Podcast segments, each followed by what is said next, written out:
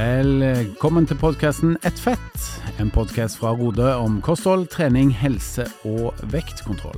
Mitt navn er Henning Holm, og jeg gleder meg til å ta deg med på en reise gjennom livsstilsendringens verden med aktuelle gjester.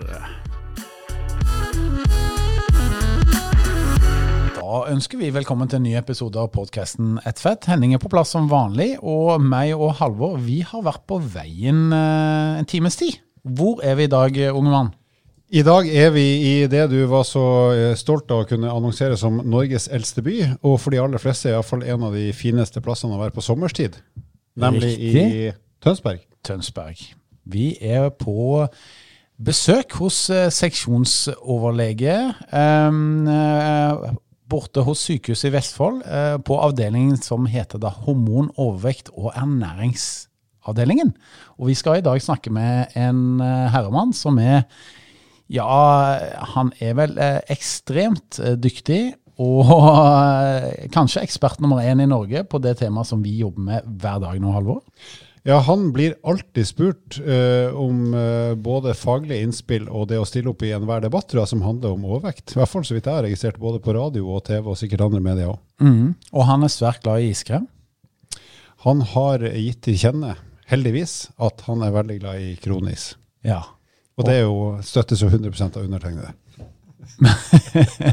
Så eh, til våre kjære lyttere så lurer de sikkert fælt eh, på hvem det er vi skal prate med i dag. Og han er jo da aktuell, han òg, i serien Helsekost eh, Furuset. Vi hadde jo Else på besøk hos oss i podkasten her for et par episoder siden. Ja. Yep. Skal vi si velkommen til oss, Gøran Hjelmeset. Ja, tusen takk for invitasjonen. Det var veldig hyggelig. Og når det gjelder kroneis, da, så, så er det jo viktig at det er en del av et ellers sunt kosthold, og ikke minst fysisk aktivitet. Og noen av oss er i overkant fysisk aktive, og da er ikke problemet overernæring, men nesten det motsatte. Og da er det fint å kunne fylle på med en nydelig kroneis som smelter på munnen. Det er hva- fantastisk. Må jeg spørre, Hva er favoritten? Er det jordbær eller sjokolade? Det er jordbær. øh, og, ja, og fabrikknavnet det holder vi kanskje utenom, eller? Nei da, det kan du si høyt. Ja. Nei, jeg er ikke i tvil om at det er Henning Olsen som er liksom den aller, aller beste isen. Men da spør jeg som veldig engasjert i kronis sjøl. Hvis du spiser, tenker jeg de ti siste kronisene du har spist, er alle ti da jordbær, eller har du en fordeling mellom jordbær og sjokolade? Nei, jeg er glad i mange ting, og en ting jeg er veldig glad i, det er gode tilbud. Så jeg kjøper is på, på, is på tilbud. Så er det jordbær, så kjøper jeg jordbær. Og i verste fall så må jeg ha sjokolade en kort periode. Ja. Det går, de òg. Jeg er nok omvendt. Jeg tar nok åtte av ti er sjokolade og to av ti er jordbær. Men jeg må ha den avvekslinga liksom for å kjenne at det finnes alternativer. Men spøk litt til siden når det gjelder den iskremen, da, så er det klart at uh, de som hører på denne podkasten, har kanskje ikke det samme luksusproblemet som oss, som sitter her og tuller litt med dette. Men det er jo bare 200 kilokalorier i en kronis. Så det er klart at hvis du spiser den istedenfor noe annet som er 200 kilokalorier, da kan du ha veldig veldig god samvittighet. Ja, Mm. Og så er det jo faktisk en del protein også, så det er ikke bare surr i den uh, kronisen. Men eh, gentlemen, før vi begynner å, å prate om eh, de faglige tingene som vi skal prate om i dag, så har jeg veld, veldig gjerne lyst til å starte med noe sånn helt uformelt. Og det er Har dere hatt noen, ja, noen spesielle gode matopplevelser i løpet av sist uke? Skal vi starte med deg, Halvor? For dette, jeg må innrømme jeg har hørt litt om dette på forhånd. Ja, eh, jeg er jo kjent for å være ganske uinteressert i å utvikle mine smaksløker og prøve nye ting.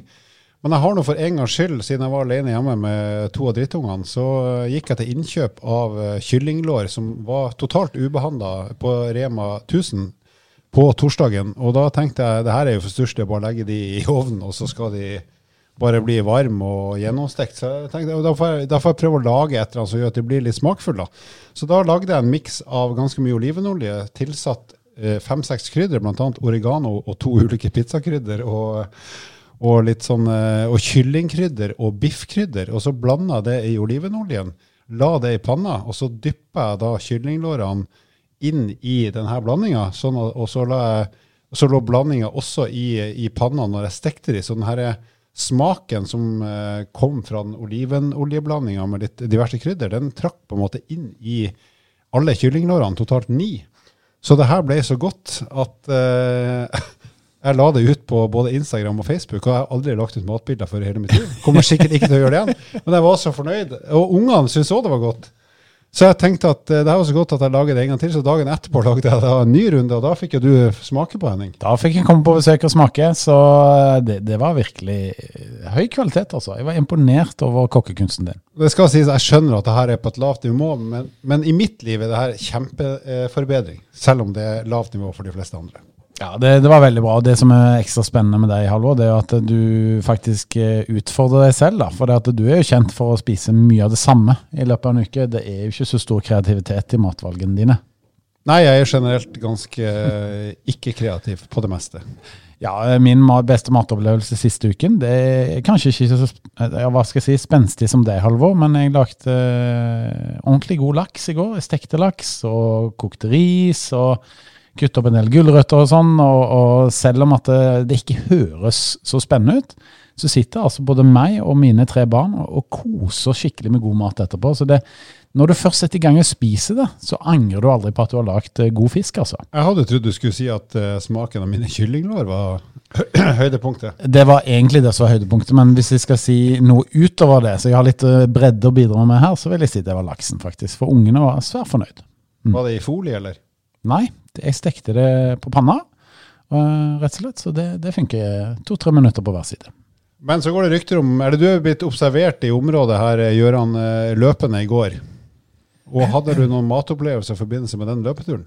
Ja, eller mat og mat. Det var det samme som uh, vi har snakket om litt før. her. Men uh, mine beste matopplevelser det er vel egentlig hver kveld. Fordi jeg lager, er så heldig at jeg slipper å lage maten selv. Jeg har en kone som uh, lager helt nydelig mat hver dag. Ja.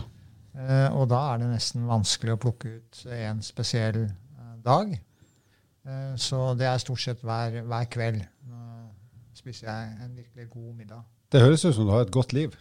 Har du, fortjent det, har du fortjent å ha det så bra? Nei, jeg har nok ikke det. Veldig bra.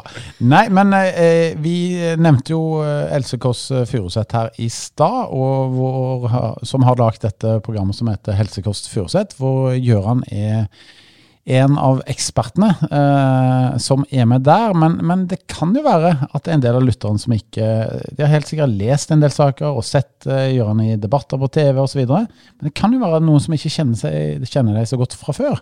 Så kan ikke du fortelle litt eh, om deg selv til lytterne våre? Ja, jeg er jo egentlig det vi kaller indremedisiner i utgangspunktet. Og eh, ekspert på type 2-diabetes. Så jeg har forsket på det for veldig mange år siden og tok doktorgrad på nyoppstått diabetes etter nyretransplantasjon. Men for litt over 20 år siden fikk jeg anledning til å ble spurt om å lede dette senteret, som ikke var noe senter da, og starte opp fordi eh, i eh, september 2004 fikk eh, personer med sykelig overvekt rett til nødvendig helsehjelp i Norge. Og da måtte vi opprette et tilbud, og det opprettet vi her i Tønsberg. Og da så jeg muligheten for å kombinere pasientbehandling med forskning. Forskning er min hovedinteresse, da. Så da startet det der. Og siden har jeg forsket på, eh, forsket på fedme og ledet behandling av fedme i denne delen av Norge ja, siden 2004. Mm. Du er ikke redd for å mene noe heller om temaet? Siden Nei. du blir spurt igjen og igjen om å delta i, i debatter og diskusjoner? Nei da. Jeg, jeg, prøver jo å mene det jeg har bakgrunn for å ha å mene. Uh, men uh, av og til så kan jo jeg også sleive litt. Men, uh, og det, det, straffer seg jo, men det lærer man jo også. Det er en god underholdning i hvert fall. Av og til. ja, Det er den viktigste grunnen til at jeg er såpass ivrig på, på det med media er vel eh, egentlig at jeg ser at det er en veldig fin måte å formidle på. Og Det er jo derfor jeg takker ja til å være med i sånne ting som det dere har invitert meg til også. Da. At jeg håper jo at det kan gi noen noe som de ikke vet fra før. Mm. Men for å starte litt eh, større og litt bredt. Eh, hvordan står det til med overvekt og fedme i Norge i dag, eh? Nei, det er eh, vi er ikke de verste i verden, men vi ligger sånn midt i, på treet i Europa. Uh, og spesielt fedme forekomsten av fedme den er eh, slik at eh, litt mer enn én av fem voksne nordmenn har fedme, altså en BMI på 30 eller mer. Mm. Ikke sant. Vi er jo eh, kjent med disse tallene vi Halvor, og diskuterer veldig mange forskjellige temaer når det kommer til kosthold og vektreduksjon, trening eh, osv. Men det er jo nå sånn at uh, det er jo litt sånn spesielle tider når det kommer til uh, vektreduksjon uh, både i Norge og i hele verden. For vi har jo fått dette med vektmedisin, og vektreduserende medikamenter har kommet inn i markedet. Og kan du, Gøran, sånn som, som da har litt, litt uh, kunnskap her på feltet. Kan du si hva, vekt, hva, er vektmedisin og slankemedisin, og hvordan virker det? Kan du si litt om det? Jeg kan det, men hvis jeg først kan si litt generelt, fordi jeg tenker at det er veldig viktig at vi starter før slankemedisinen. Og det første spørsmålet som jeg hadde håpet du ville stille meg, var hvem bør tenke på å gå ned i vekt? Eh, og siden du ikke stiller det spørsmålet, så stiller jeg det sjøl. godt spørsmål. Godt spørsmål. Godt spørsmål. og, så, og, mitt svar, eller som ikke er, er, bare noe jeg mener, men som er internasjonale retningslinjer, er at de som har fedme, altså de som har BMI på 30 eller mer, eller de som har overvekt, altså en BMI mellom 25 og 30, pluss minst én vektrelatert sykdom, f.eks. type 2-diabetes, for å gjøre et enkelteksempel. Altså en som har type 2-diabetes og har en BMI på 28, kan ha nytte av å gå ned i vekt. Ikke minst fordi vedkommende kan bli kvitt sin diabetes ved å gå mye ned i vekt. Mm. Men eh, så de som tenke, som hører på dette, og som, eh, og som tenker på hvem, hvem, kan ha nytte av å gå ned i vekt rent helsemessig, det er de som har BMI på 30 eller mer. Mm. Og så er spørsmål nummer to da hvordan gå ned i vekt. Og da er jo svaret like enkelt eh, som det er eh, Svaret er enkelt, men å gjennomføre det er vanskeligere. Det er stort, stort sett å spise mindre. Og jo mindre du spiser, jo mer går du ned i vekt. Eh, så det, som alle vet, er det enklere sagt enn gjort. Og da er det mange måter å gjøre det på. og Dere i Rode-konsernet har jo fine metoder, fine konservative metoder, gode råd om hvordan dette kan gjøres. Og hvis man gjør som dere gir råd om, så går folk ned i vekt. Eh, og hadde det vært så enkelt, så hadde det vært veldig fint. Men så er det da en del som ikke klarer å holde den vekten. Eh, eller kanskje til og med går opp i vekt igjen, og går mye opp i vekt igjen. Og da, da kan eh, vektreduserende medisin være til hjelp. Så det er her vektreduserende medisin kommer inn. Så det var en lang innledning til å svare på det spørsmålet. Jeg, jeg tar en kjapp oppfølging som ikke har noe med vektmedisin å gjøre. men uh, vi, vi, skjønner jo at det er mange mekanismer i forhold til både å gå opp i vekt og ned i vekt. Uh, og vi skjønner òg at det er vanskelig. Men uh, for en som har vokst opp på 80-tallet, altså meg, er det vanskeligere nå for en, altså i 2023 for en som har en BMI på 30 og gå ned i vekt, enn det hadde vært for den samme personen på 80-tallet? Er det noen faktorer i samfunnet eller andre ting som gjør at det er verre eller vanskeligere nå enn før?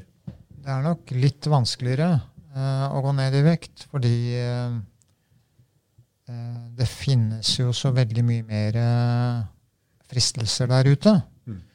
Men det er ikke vanskelig å gå ned i vekt, sier i hvert fall de vi behandler. Altså Regnestykket er det samme, prinsippene er de samme, men tilgjengeligheten ja, Tilgjengeligheten er stor, men du kan si at hvis du først bestemmer deg for å gå ned i vekt, og vi har jo nå behandlet over 6000 mennesker her på vårt senter. Og jeg har jo ikke snakket med de, selvfølgelig, men jeg har snakket med de som har behandlet de. Og de som jobber hos meg eller hos oss, de forteller jo at uh, alle som kommer hit, omtrent alle, da, og det er egentlig inngangsbilletten, de har jo vist at de kan gå ned i vekt. Og, og de syns ikke det har vært så vanskelig. Uh, så de vet hvordan de skal gå ned i vekt.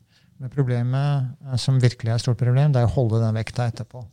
Og den er blitt mye verre etter 70-, 80-, 90-tallet, fordi nå flommer det over av energitett og god mat eh, på enhver eh, sted hvor du, hvor du, er ute og går. Mm.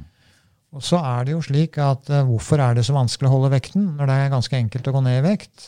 Jo, det er mange forklaringer på det. Men en fysiologisk, nærmest biologisk forklaring det er en økende sult og en redusert metthetsfølelse. Så når man går ned i vekt, så liker ikke kroppen det. Den vil gjerne tilbake til utgangsvekten. Og måten den prøver å få deg til å spise mer på, er å gjøre deg sulten. Eh, og også gjøre at du blir mindre mett når du spiser. Og til sist så gjør den også maten, og spesielt eh, energitett, fettrik og sukkerrik mat, enda bedre. Altså den øker gleden ved matinntaket. Så den gjør alt den kan for å pushe deg opp i vekt igjen. Mm. Og da blir det jo vanskelig. I tillegg så er jo gammel vane vond å vende. Det er ikke så enkelt å fortsette med de gode vanene. Det må man trene på og øve på. Det er jo noe av det dere er flinke til, å lære folk.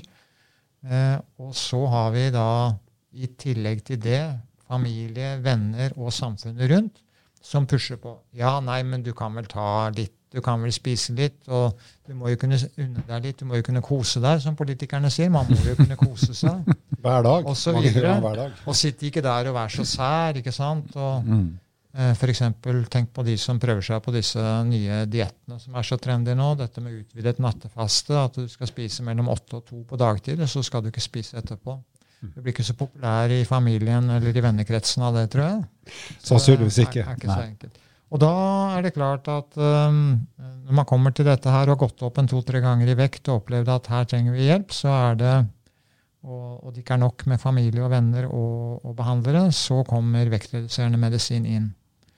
Og disse vektreduserende medisinenes hovedmekanisme det er nettopp at de demper sulten, øker metthetsfølelsen og reduserer gleden av god mat. Og, og, Gjelder det her da, fungerer det sånn for alle i større og mindre grad, eller det, kan det være andre som har helt annen opplevelse selv om de tar vektmedisin? Ja. ja du har helt rett. Altså, det er forskjellig. Men gjennomsnittspersonen har en veldig god effekt, og folk forteller oss at uh, det blir et nytt liv. De mister denne ekstreme suget, dette driven, eh, til å spise.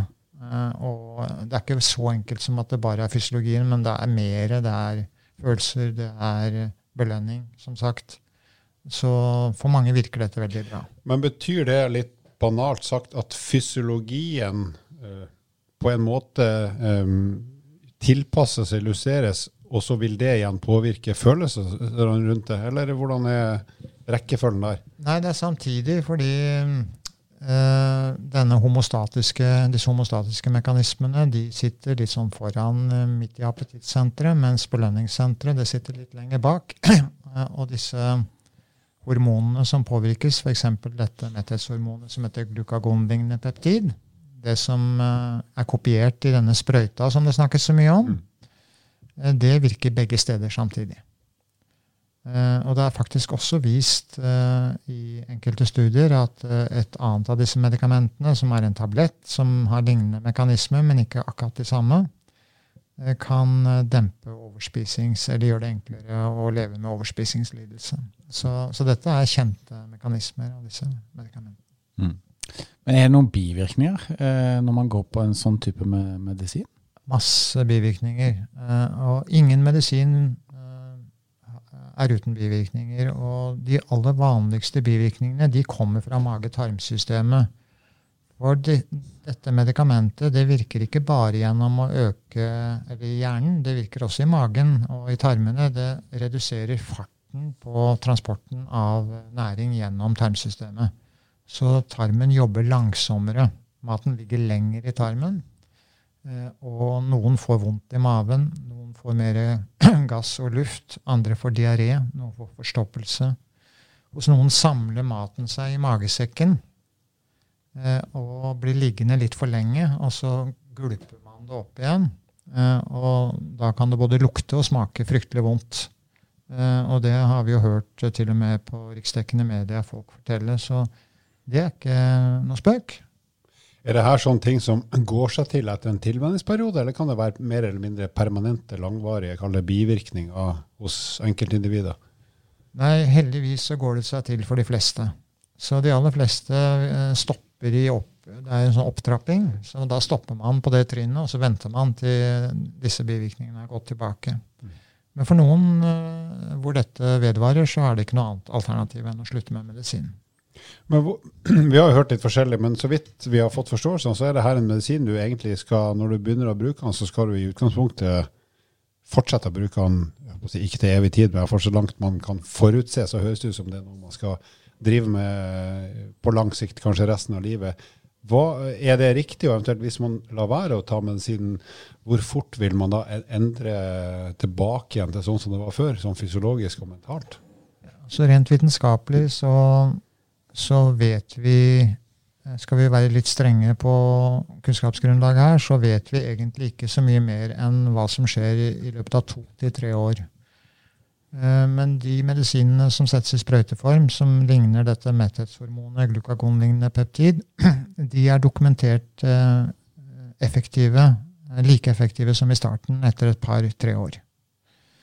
Eh, Så effekten varer i minst to-tre år eh, i studier. Og det er også vist at eh, studier hvor de da har fjernet eh, Altså de har gitt placebomedisin eller nærmedisin til halvparten, så folk vet ikke hva de får. eh, Etter at de først har hatt en effekt et år, eller sånt og så har de tatt det bort. Og da går gjennomsnittspersonen opp i vekt igjen. Ja. Og da mister det. Så, så, så det virker bare når du setter det. Men vil, de, som går, ja, de som da går opp i vekt igjen i en sånn type forsøk, eh, de, blir de da sjøl klar over at oi, nå fungerer jeg litt annerledes enn det jeg gjorde for ei uke siden eller to uker siden, eller er det bare at de gradvis spiser litt mer og har litt dårligere regulering? Altså hva slags mekanismer Mange merker det med en gang. Ja. Men på den annen side så er dette gjennomsnittet, ikke sant? Så det kan jo forhåpentligvis være noen som kan bare bruke det en periode, og så kan de gradvis slutte med det, og så kan de klare seg uten. Det kan vi håpe på, men det er ikke gjort så mye studier på det. Men sånn sett så, så, så vil jeg ikke utelukke at noen kan trenge det livsvarig, men det må jo komme mer studier som kan dokumentere det før, før man kan fortsette. Roda har jo eh, drevet med hjelp til både vektreduksjon og livsstilsendring og skape gode vaner i snart 50 år. Det er jo 50-årsjubileum neste år, Halvor. Ja, Da skal vi ta på oss pene klær og spise god mat. det skal vi. Og eh, vi har jo holdt på med dette så lenge. Eh, så litt sånn eh, Et litt dårlig spørsmål som det, er, som det er mulig å vite litt av svaret på på forhånd, eh, men som allikevel har et sånn sammenligningsgrunnlag over seg. Det er jo er det, er det mulig å gå ned i vekt like effektivt uten bruk av vektmedisin? Ja, absolutt. Det, det, er, det er godt mulig. Og kunsten blir som sagt da å holde vekten etterpå. Vi har jo her ved senteret vårt eh, i mange år testet ut forskjellige lavkaloridietter. Eh, Og det har også andre i verden gjort. Eh, Blant annet i Trondheim så har de forsket en del på det. Katja Martins og hennes team der oppe de har jo forsket på noe de kaller ekstreme lavkaloridietter, som er under, under 800 kilokalorier per dag i pulverform. Som de har hatt veldig gode korttidsresultater av. Eh, og vi har god erfaring med det som er kalt for vanlige lavkaloridietter, altså mellom 800 og 1200 kilokalorier per dag. Eh, Den berømte eller beryktede knekkebrøddietten, f.eks., er jo kjent. Eh, Og den har vi forsket på og testet ut. Og så har vi jo også i samarbeid med dere nå nylig gjort en studie hvor vi har testet ut eh, god mat som dere har laget eh, reseptene på, da, og som har vist seg veldig effektivt på relativt kort sikt, altså et år. Men eh, jeg vil vel bare gjenta at eh, en kortvarig effekt, eh, det er jo, da snakker vi om uker, den er jo klar. Det er ikke så vanskelig, og spesielt med lavkaloridietter så kan det være veldig effektivt. Men med god oppfølging, sånn som dere har i systemet deres, da, og med folk som er villige til å møte opp i grupper og være med og diskutere, så er jo det nesten garantert suksess. Det er veldig kjent i vitenskapen at eh, folk som er villige til å følge opp i sånne programmer, og følge med og stiller opp, de gjør det bra. Så det er absolutt mulig, men det krever tett oppfølging. Og det viser også vitenskapen, at for varig vektreduksjon så er det viktig at man ikke bare kaster seg på en kortvarig diett, men at man følger opp over tid. Spørsmål eh, i forhold til det her med vektmedisin. eh, Er det, vil mange tenke at ok, jeg begynner med vektmedisin, og så lever jeg akkurat som før? og så går jeg ned i vekt. Mm. Er det så enkelt, eller må man gjøre noen andre ting i livet i tillegg til vektmedisin for å få de si, initielle 5-10% opp? Ja, Det var et veldig godt spørsmål, fordi det tror jeg mange spør seg. Og svaret er jo at uh, denne medisinen øker jo ikke forbrenningen. Den påvirker ikke forbrenningen. Så en som veier f.eks. 100 kg, trenger eh, ca. 3000 kilokalorier daglig for å holde vekten. Eh, hvis medikamentet hadde økt forbrenningen Det har vært noen sånne medikamenter historisk, men de har vært eh, farlige. Folk har dødd av dem. eh, Så de har ikke vært på markedet så veldig lenge. De har dødd ut, bokstavelig talt. Hvis det er lov å si. Beklager, folkens. Men, eh, så de er i og for seg effektive på den måten, men eh, på den gale måten. Men du kan si at uh, denne type medikamenter vi snakker om, den krever at du spiser mindre. Så hvis du klarer å motstå effekten, altså du klarer å motstå metthetsfølelsen og fortsetter å spise, så virker medisinen ikke. Det, det, det syns jeg er et viktig poeng, for det du sier her, er ikke alltid at kommer fram i verken innlegg eller debatter i forhold til hvordan det fungerer. Så uh, hovedeffekten, da, hvis vi skal si det veldig banalt, er at du rett og slett inntar mindre energi enn før, og får hjelp til å regulere det inntaket rett og slett ved medisinen. Ja, det er helt riktig. Det er et uh, pedagogisk hjelpemiddel. Det hjelper deg til å spise mindre. Det er det jeg pleier å si om vektreduserende kirurgi òg. jeg pleier å si at det er en ekstremt, uh, ekstrem pedagogisk metode som hjelper folk til å spise mindre. Men hvis man da gjør det her, altså man bruker vektmedisin, og så tenker man ok, uh, og, og det fungerer godt med at matinntaket blir mindre, og likevel så er man mett og fungerer godt. Hvis man da f.eks. legger inn eh, Kanskje spiser litt sunnere, eh, får litt bedre eh, næringsinnhold i maten, og kanskje til og med begynner å bli litt mer aktiv, vil det da eskalere effekten? Altså vektmedisin gir effekt, og i tillegg så gjør det noen justeringer i livet ditt ellers som i, som et regnestykke skulle tilsi at det kan eh, forsterke effekten. Fungerer det sånn? Det kan i hvert fall fungere sånn. Og vi vet jo at ved Det er jo noen som tenker at hvis man er fysisk inaktiv, så går vekten opp. Og det er i og for seg riktig, men det er også slik at når vekten går opp, så blir man mer fysisk inaktiv. Så når vekten går ned, så er det jo lettere å være fysisk aktiv. Eh, Og eh, fysisk aktivitet blir enda viktigere for å holde vekten enn å gå ned i vekt. Eh, Så det å gå ned i vekt krever at du spiser mindre. Det å holde vekten, da er det fint om du også kan øke aktivitetsnivået. Og det får du da muligheten for. Hvis du har gått ned 10-15 kg i vekt, så er det lettere å da gjerne være i fysisk aktivitet, f.eks. rask gange en time daglig. Det er en suksessoppskrift som, som eh, et svært amerikansk vektregister f.eks. Har, eh, har vist funker. Eh, Der hvor folk som har lykkes å gå ned i vekt og holdt vekten over noen år, registrerer seg. Så det er et slags kombinert forskningsregister og opplysningsregister. Vi kan si at vi pleier ofte å oppfordre seg når man går den turen på enten en halvtime eller en time, at man prøver å ta i litt ekstra i hver motbakke. Så får du litt ekstra effekt på hjertet også når det først tross alt er ute og går.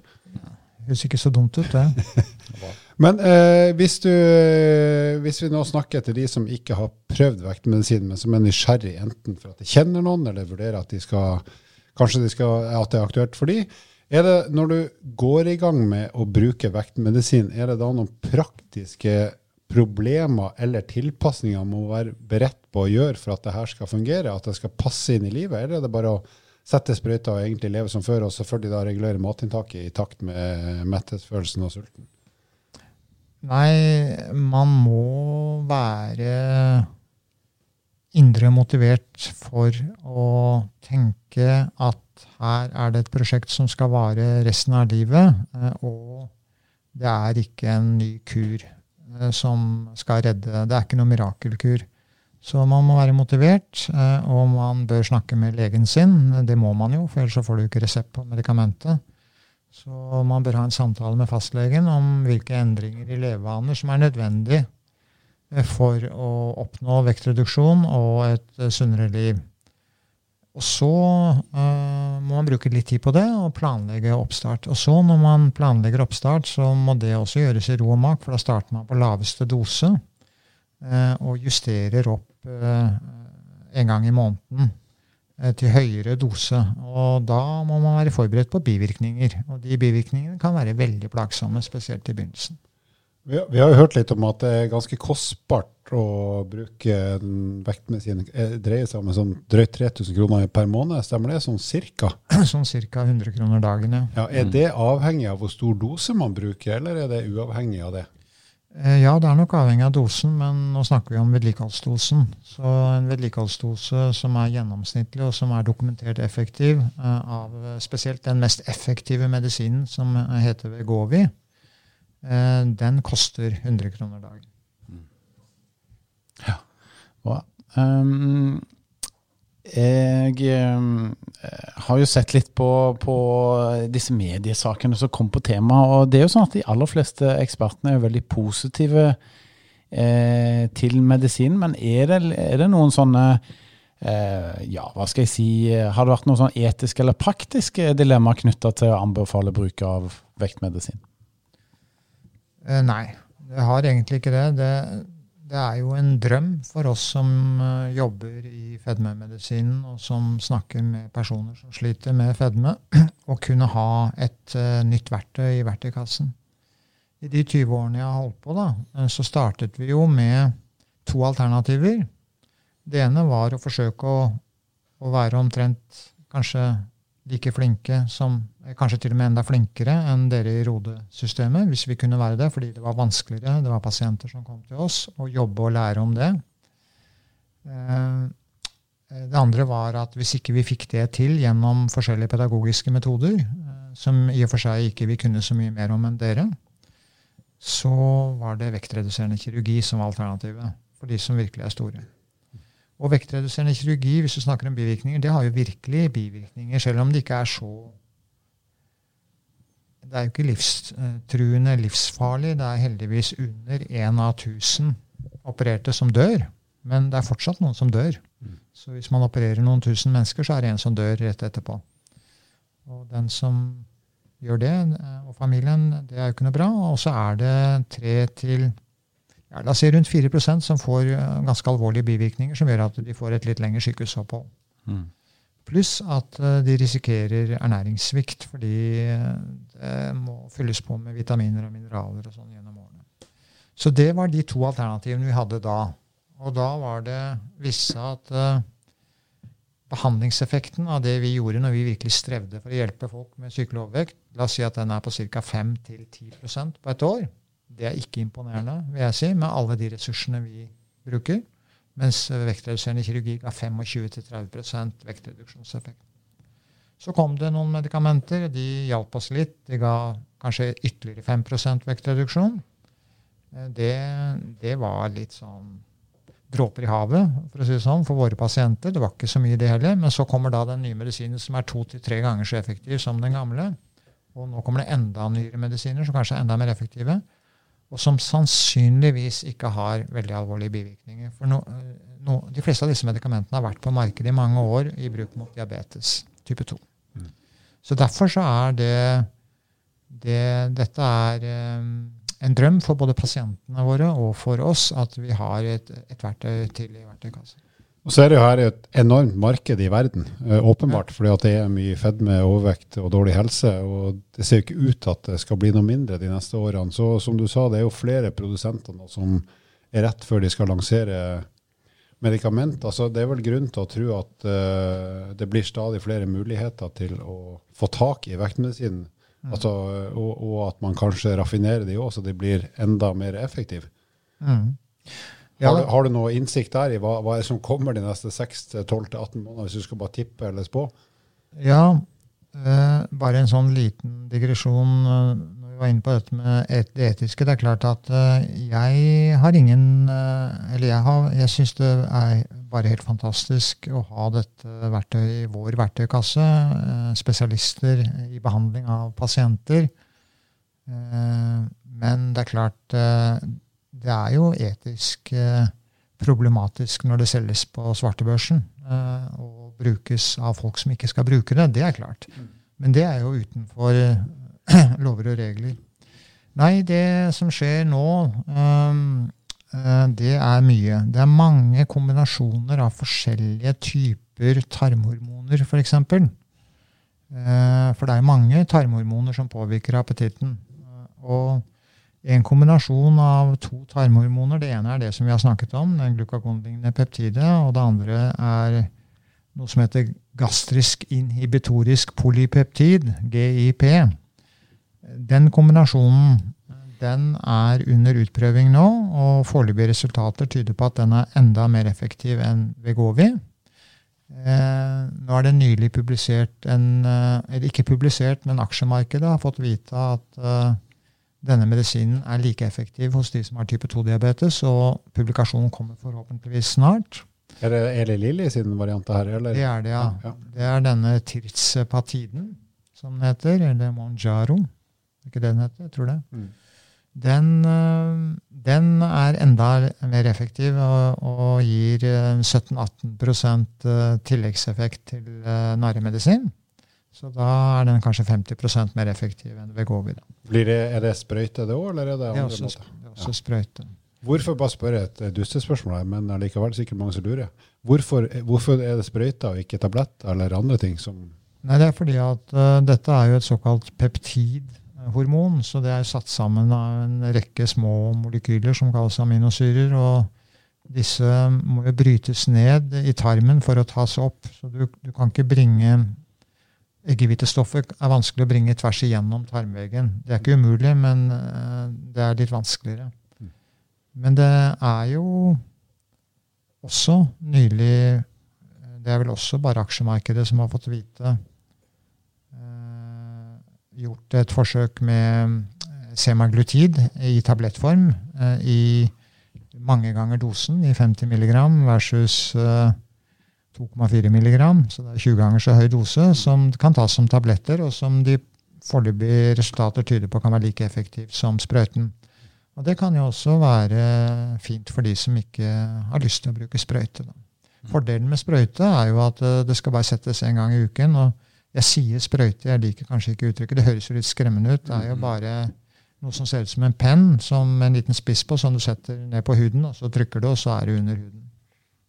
Bra. Du var ikke noe glad i sprøyter du, eh, Halvor, på, når du gikk på barne- og ungdomsskolen? Nei, jeg, jeg, jeg liker det ikke ennå, altså, men jeg har, har vært så mange år på idrettshøyskolen som uh, student, men også veldig glad i å være med i forsøk. Så jeg har etter hvert vent meg til å bli stukket både her og der, selv om jeg ikke liker det den dag i dag. Det må jeg si. Jeg syns det er veldig utrivelig.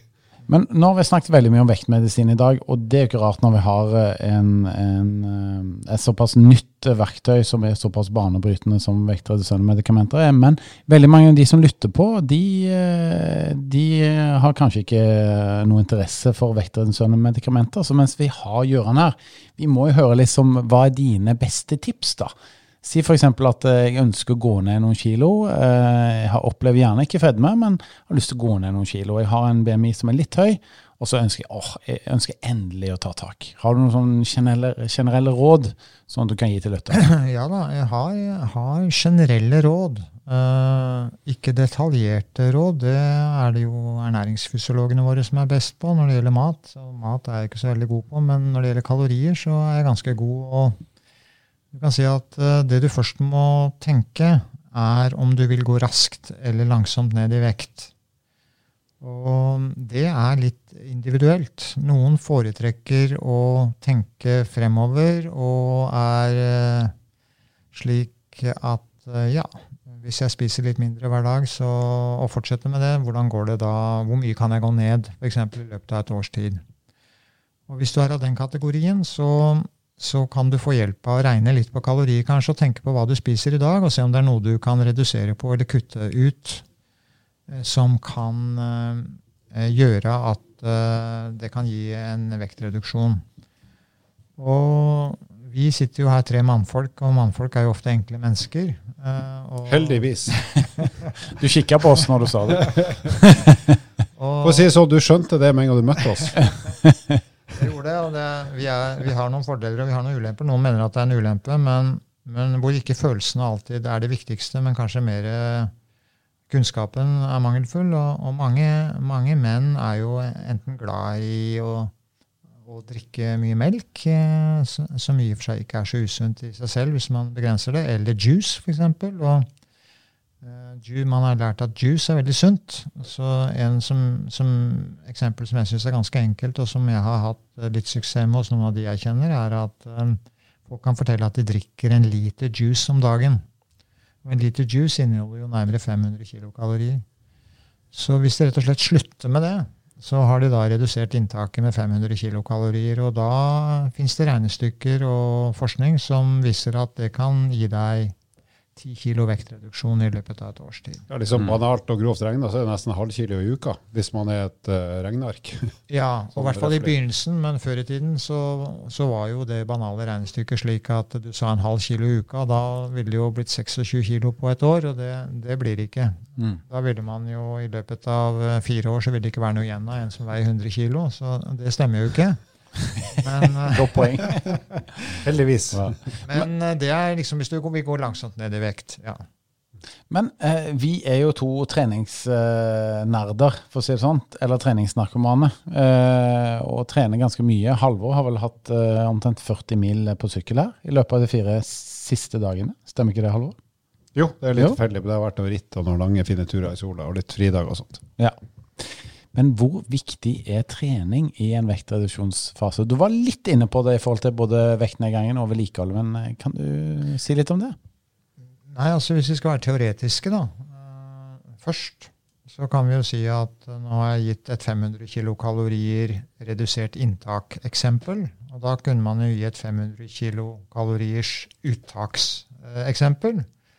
Og da kan man teoretisk si at hvis du trener bort 500 kilokalorier om dagen, så vil du kunne ha samme effekt, og så vil du kunne hatt en enda bedre effekt på både humør og søvn og metabolisme. og det er bra. Altså Fysisk aktivitet er jo bra for alle.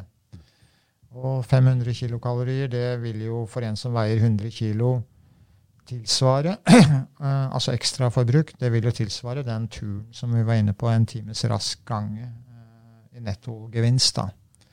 Men det forutsetter jo at du ikke spiser etterpå.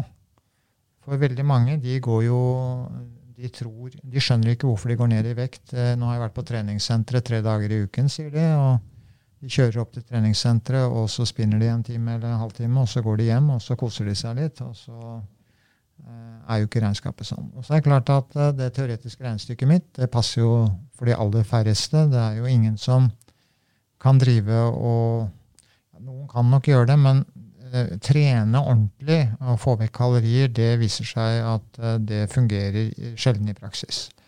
Og vi er veldig dårlige eksempler, eh, vi som sitter rundt bordet her. Vi kan godt trene så mye at vi faktisk må spise oss opp, og vi må faktisk eh, tenke på at vi skal spise oss opp etterpå. Altså, Vi er egentlig lite representative for gjennomsnittet. Vi passer ikke i det hele tatt, så vi, er, eh, vi bør egentlig bare holde kjeft om det. Fordi de som sliter med overvekt og fedme, de er en helt annen kategori. Veldig mange av de altså Jeg skal ikke ta alle under én kam, men veldig mange de liker ikke så godt fysisk aktivitet. Og i hvert fall ikke trening. De hater trening. De kan godt være fysisk aktive, og så er det begrenset hva de kan få til. Det blir Bare det å bevege en svær kropp på 100 kg krever så mye at det kan bli mer ubehag enn glede. Mm. Så vi som er lette og på foten, og som syns det er gøy å trene, vi, vi er dårligere eksempler. Mm. Men et annet eksempel på vektreduksjon, for å komme tilbake til det, det er jo å gå raskt ned i vekt. Eh, og det kan være en fordel for mange, fordi det gir ytterligere motivasjon og stimulering og glede av å se en litt raskere effekt av vektreduksjon. Og da er vi inne på disse lavkaloridiettene, hvor man ved å begrense inntaket, slik at man ikke kutter ut 500 kilokalorier, men at man kanskje kutter ut eh, 1500-2000 kilokalorier, altså går ned under 1200 kilokalorier daglig. Da kan man fort gå ned 10 kilo i vekt på et par måneder. Men et sånt eh, praktisk eksempel. eh, Halvor, han, eh, du hadde jo et sånn lite mini-eksperiment eh, her. Hvor at eh, du skulle teste et par eh, sånne type ja, litt sånn kommersielle dietter, da, for å si det Ja, sånn. det er Stemmer ikke det? periodisk, fasteopplegget. Ja. Kan vi ikke si litt om det, og høre dommen fra Gjøran mens vi er her? Ja, det dommen for min del er jo det viktigste, for så vidt. For det er jo jeg som skulle leve med det, og det var jo bare sånn fjolleprosjekt. Men jeg fant jo ut at den her eh, varianten dere brukte i Go Low, altså med mye knekkebrød, eh, var for min del veldig enkel å forholde meg til. For jeg kunne spise ganske ofte og ganske mye. altså i hvert fall for, Det er liksom ikke én bit og så er du ferdig for dagen. Så jeg kunne ha ganske mange måltider og oppleve at ok, det her er faktisk mat som jeg kan tygge og bruke litt tid på. Og se på skjerm eller bare kose meg med maten. Så det fungerte godt. Det som fungerte veldig dårlig for min del, det var jo den her eh, 5-2-varianten der jeg skulle spise det 500 kalorier sånn, to dager i uka. Det syns jeg var helt uutholdelig. Og selvfølgelig la jeg jo, trente jeg jo mindre og trente ikke intensivt de to dagene der, men, men, men det, det syns jeg var utrivelig. Så det, der sprakk jeg vel egentlig Ja, vi hadde litt morsomt med ganske det. tidlig ute på den ene dagen da jeg skulle ha veldig, Mm. ha veldig begrensa inntak. Ja, For du trener jo ganske bra og omtrent hver dag, og så var det ganske mye snø eh, på det tidspunktet, så han måtte ut og måke, ikke bare to, men tre omganger.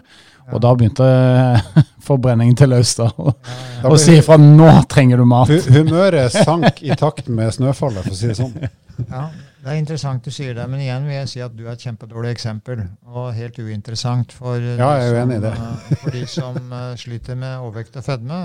Så jeg beklager det. Men, Nei, men det skjønner jeg, og det er jeg helt men, enig i. bare for å berolige de som måtte høre på dette, her, at det sånn, er jo ingen som forventer at de skal være så gærne som du er. Eller jeg. Jeg er jo tilsvarende gæren. Men eh, periodisk faste er ganske interessant eh, når vi er inne på det. da. Mm. Eh, Fordi der fins det vi vet, eh, vi vet at det å redusere på kaloriinntaket, i hvert fall for de som har overvekt og fedme, det er bra for helsa. Det, det har vi lært. og det, det viser de fleste studier, eh, og i hvert fall korttidsstudier. Mens periodisk faste, som er veldig i tiden nå, det, det du beskriver, 5-2-dietten, det er jo én variant. En annen variant det er annenhver dag-dietten. Altså at du spiser 500 kilokalorier annenhver dag. Men en tredje, mye mer spenstig variant, og som kanskje er virkelig i tiden nå, det er det som kalles for forskjellige ting. Kjært barn har jo mange navn, men noen kaller det utvidet nattfaste.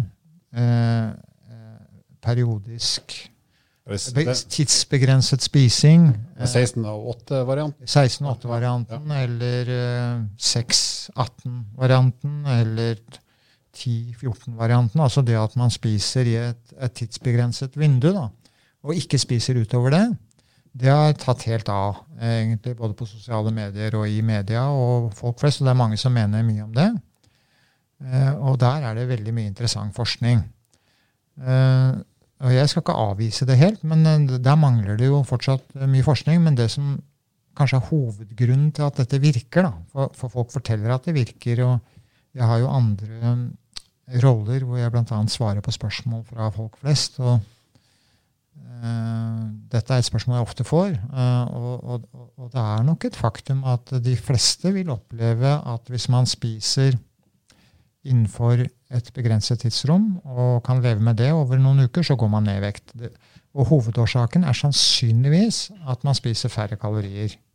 Men det kan også hende at fasten i seg selv har noen fordeler på metabolismen eller stoffskiftet.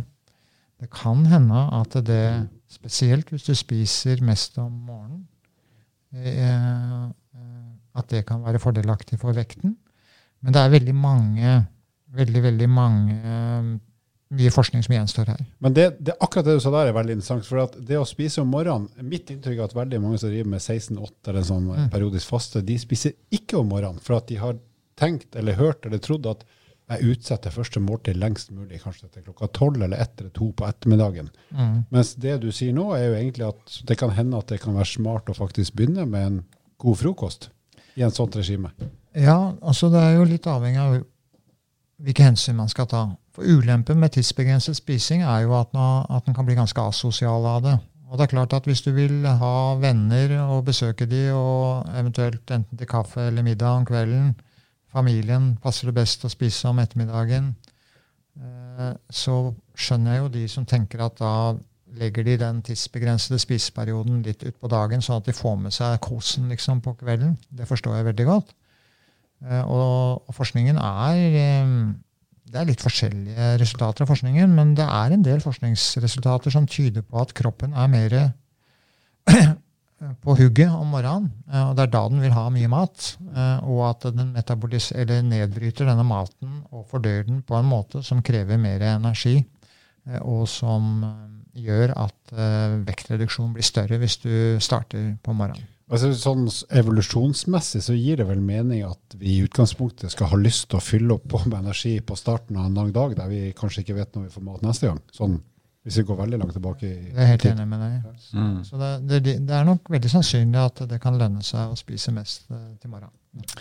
Bra. Det har vært en episode som har vært virkelig spennende på flere forskjellige temaer. Eh, vi har vel ikke tatt oss tid til å være så morsomme som vi i hvert fall prøver å være. Halvor, Som vi sjøl syns, vi er. Ja, Men eh, det skal vi prøve å rette på nå, for nå er det vel på tide med dagens fun fact. Ja, eh, Gøran, jeg har rett og slett funnet, eller ja, uh, laga en fun fact, jeg har ikke laget, men henta inn informasjon til en fun fact som er, rett og slett skal hylle din favorittrett, nemlig kronis. Eh, og vi har jo skjønt at du er glad i kronis, og det spiser du regelmessig. Jeg har hørt at du sier sånn nesten daglig. Litt sånn, er ikke bare nesten, men det er daglig. Og at du da åpenbart primært går for jordbær, men med gode tilbud så ryker det en sjokoladekronis òg. Nei, egentlig ikke. Det, det, det skal være veldig god tilbud. Men eh, jord, jordbær primært, men de bør være på tilbud, ja. Ja, ok, så tilbud er forutsetning, men da, og da er det primært jordbær. Men Henning, hvor mye kronis spiser du? Nei, det er ikke så veldig ofte, eh, egentlig. Jeg vil si ja, kanskje én gang i uka på sommeren. Mm. Ja. For jeg, jeg er veldig glad i kronis, og, og i min oppvekst så var jo kronis den grommeste isen du kunne få. Det var liksom den største og kuleste. Ikke sant? Eh, nå er jo kronis egentlig ganske liten i forhold til mye annet. Eh, Du kan få gigant, og det er så Mm. veldig mange andre. Men så, så jeg har jo veldig gode barndomsminner med at det var stas å få lov å få seg en kronis, for den var litt dyr, og den var mye større enn de andre. Så, det er jo, så jeg har et sånn barnslig kjært forhold til kronis. Eh, men sånn historisk da, så ble den lansert i 1953, så den begynner med ganske voksen. Eh, og det selges, vet dere hvor mange kronis som selges i Norge per år? Hvis dere skal tippe. For det er ganske mye. Det er noen millioner, 20 millioner kanskje. Ja, det er faktisk nærmere 30 millioner kroner i året bare i Norge. Så det er ganske mye. Det er jo en nesten 10 per pers i Norge. Mm. Eh, navnet Kronis kommer av eh, at det var slottsis fra Tønsberg, altså her, som starta å lage Kronis. I, eh, I 54 så tilpassa de da navnet til så det skulle passe med logoen til Slottsis, som da hadde ei, ei kongekrone i logoen. Eh, og så forsvarte, ville de gjerne ta ei krone for isen, for det var jo da ganske mye den gangen. Så de lagde da isen så stor at eh, krone som pris skulle forsvare størrelsen, eller størrelsen skulle forsvare prisen. Så fra 1955 helt fram til 1970 så kosta kronis ei krone. Men det er altså både logoen til produsenten og den prisen som egentlig har gitt denne navnet, som bare har hengt ved. da. For nå koster den vesentlig mer enn ei krone. Bra, Halvor. Her har du virkelig gjort en innsats på dagens fun fact, tilpassa dagens gjest. Ja, Det er jo sjelden at jeg gjør forarbeid, men for en det gangs skyld. Det det var jo veldig interessant. Ja. Tusen takk for det. Jeg er jo født noen få år etter det. Så, Ja, ja. Ja, ja da. Veldig så, bland, så blander jeg mm, gjerne med nøtter og, og mandler og litt sånn forskjellig. da. Det er veldig så godt. Det, blir, det er gjerne en del av et måltid. Sånn ekstra topping. Ja. Men liksom dagens eh, siste spørsmål, da. Altså, eh, hvis du først skal kose deg med noe som er søtt, er det ikke sånn at is egentlig er et ganske godt alternativ med tanke på kalorier? Jo, absolutt. Eh, Og mm, eh, så lenge man vet hvor mye kalorier det er i, i det man spiser, så kan man jo regne på det. Og en sjokoladeplate på 200 gram, det er jo 1000 kilokalorier. Eh, Så eh, en femtedel av den tilsvarer kaloriinnholdet i en jordbær-kroneis. Ca. 200 kilokalorier. Så hvis du bytter det mot noe annet på 200 kilokalorier, så er det ingen fare for vekten, og det er ingen fare for helsa heller. Ikke sant? Og det er det som jeg liker så godt med rodemetoden, at du kan faktisk ja, du kan spise mye forskjellig mat. Det er ikke så mye nei, men du må passe veldig på dette med mengde, selvfølgelig, hvis du skal gå ned i vekt og, bli der. Med det så sier vi tusen takk til eh, seksjonsoverlege Jørn Hjelmeset. Tusen takk for at vi fikk komme hit. Eh, så skal vi vel begynne å tusle hjemover etter hvert halvår. Blir det en kronevis på veien? Altså, jeg, Vi har jo ikke noe valg. Eh, og til ære for deg, Jøran, så skal jeg faktisk nå velge med jordbærsmak. Ikke sjokolade, for en gangs skyld. Herlig. Takk for det. Takk for deg, for, eh, holdt jeg på å si.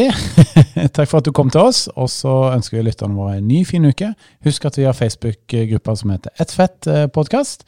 Ikke vær redd for å stille spørsmål eller komme med ønsker til temaer vi skal diskutere der. Og hvis du hører på episoden her i desember, så vil jeg gjerne ønske god jul. Ikke sant? Takk for i dag. Takk for at du lytter på nok en episode med podkasten Ett fett. Dersom du er interessert i å lese mer om eh, livsstilsendring, gå inn på Rode-magasinet på rode.com. Vil du stille oss spørsmål som vi kan diskutere i en episode, ikke vær redd for å sende inn på Facebook eller Instagram hos eh, Rode. Til neste gang, vi høres.